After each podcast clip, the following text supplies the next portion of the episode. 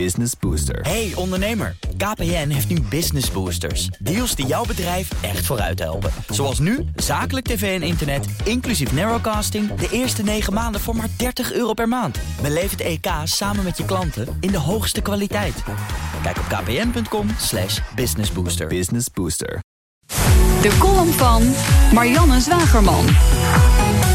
Als Donald Trump een Fake News Award toekent aan de New York Times, weet je één ding zeker.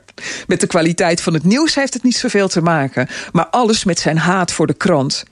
De New York Times ligt er niet wakker van. Trump-fans behoorden nooit tot de doelgroep en Trump-haters melden zich gretig bij de krant, die zijn digitale oplagen fors zag stijgen dankzij de president.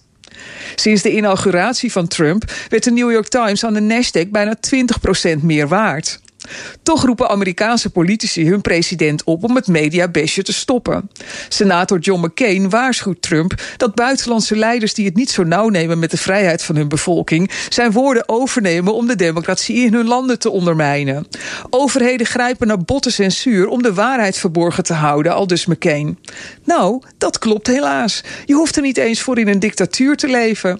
De Europese Unie viel genadeloos door de mand bij de publicatie van de eerste resultaten van de vers ingestelde taskforce die het nepnieuws op moet sporen dat Poetin over de Europese burgers uit zou storten. Niet geheel toevallig gingen de Nederlandse meldingen over Oekraïne. Berichten waarin trouwens geen nepnieuws te bekennen was. Het was alleen, net als bij Trump, onwelgevallig nieuws. En dus zet D66-vicepremier Ollongren alle zeilen bij om te vechten tegen dit soort berichten. U weet wel, referendumpartij D66, die sinds het Oekraïne-referendum geen referenda meer wil. Het wordt zo wel steeds moeilijker om niet te geloven in complottheorieën. Onschuldig is het allemaal niet. In Duitsland is er al vergaande wetgeving die sociale media dwingt op straffen van forse boetes om nepnieuws van de platformen te weren.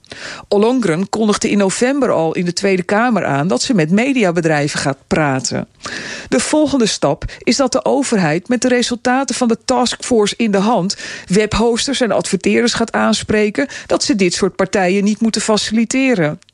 Facebook koos al voor de veilige route. Ze trekken zich weer terug in het domein van de kattenfilmpjes. Nieuws is te riskant in de huidige claimcultuur... met overheden die dubieuze drijfveren hebben. Laten wij niet voor de veilige route gaan. Sta op, vecht voor vrije pers.